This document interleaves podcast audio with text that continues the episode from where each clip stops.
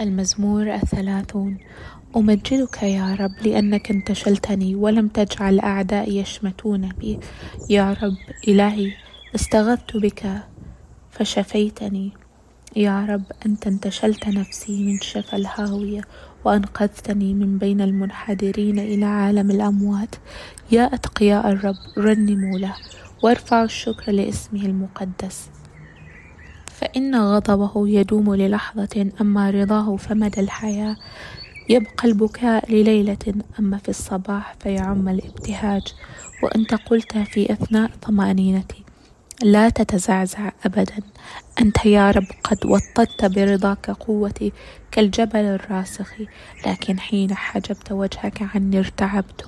يا رب إليك صرخت وإليك يا سيدي تضرعت. ماذا يجزيك موتي ونزولي إلى القبر؟ أيستطيع ترابي أن يحملك أو يحدث بأمانتك؟ اسمعني يا رب وارحمني.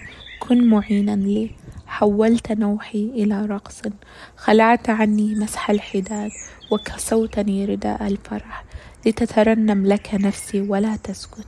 يا رب إلهي إلى الأبد أحمدك.